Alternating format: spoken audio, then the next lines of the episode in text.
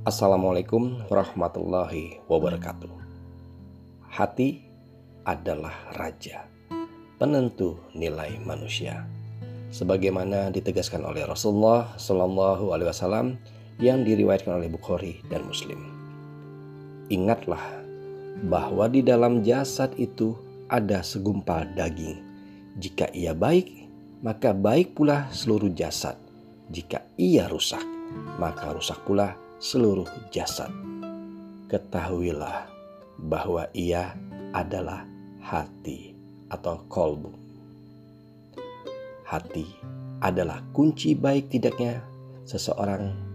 Hati adalah motor penggerak segala yang ada dalam diri manusia.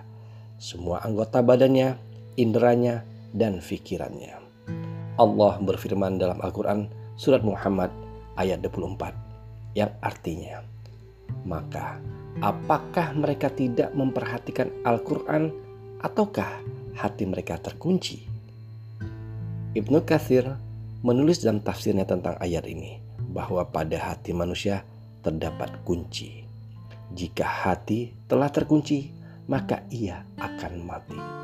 Tidak satu pun dapat masuk ke dalamnya untuk menghidupkannya kembali kecuali Allah hati yang terkunci menurut Ibnu Qayyim Al-Zawziyah dalam kitab Miftah dari Syahadah tak sekedar menutup masuknya ilmu dan kebaikan dari luar namun juga bisa membuat ilmu yang berada di dalamnya menjadi gelap. Bekasnya pun mungkin sudah tidak ada.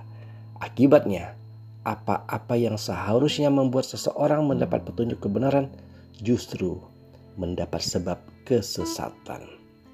Karena itu, jangan heran bila kita mendapati orang-orang di sekitar kita, termasuk orang-orang yang kita sayangi, sulit sekali menerima nasihat. Meskipun kita telah mengemukakan nasihat-nasihat kebaikan kepada mereka dengan rujukan yang jelas dan adab yang juga baik, mereka tetap membantahnya. Kalaupun mereka dengarkan, tidak akan masuk ke dalam hati mereka. Nasihat itu tidak akan mereka laksanakan. Ini semua karena hati mereka telah terkunci. Allah berfirman dalam Al-Quran surat An-Naml ayat 80 yang artinya Sesungguhnya kamu tidak dapat menjadikan orang-orang yang mati mendengar dan tidak pula menjadikan orang-orang yang tuli mendengar panggilan apabila mereka telah berpaling membelakangi. Ayat ini menjelaskan bahwa Rasulullah SAW tidak dapat menjadikan orang-orang yang mati itu mendengar dan tidak pula menjadikan orang-orang tuli mendengar panggilan. Terlebih lagi bila hati mereka telah berpaling ke belakang. Kalimat orang-orang yang mati dan orang-orang yang tuli dalam ayat ini adalah ungkapan metafora Maksudnya adalah orang-orang musyrik yang dianggap sebagai orang yang sudah mati pikirannya, sudah tuli dan tidak dapat mendengar panggilan serta ajakan kebaikan. Kondisi seperti itu akan menjadikan manusia kehilangan eksistensinya sehingga mata tidak berguna, telinga tidak bermanfaat dan hati tidak berfungsi sehingga Allah memberikan mereka label makhluk yang lebih rendah dari binatang ternak.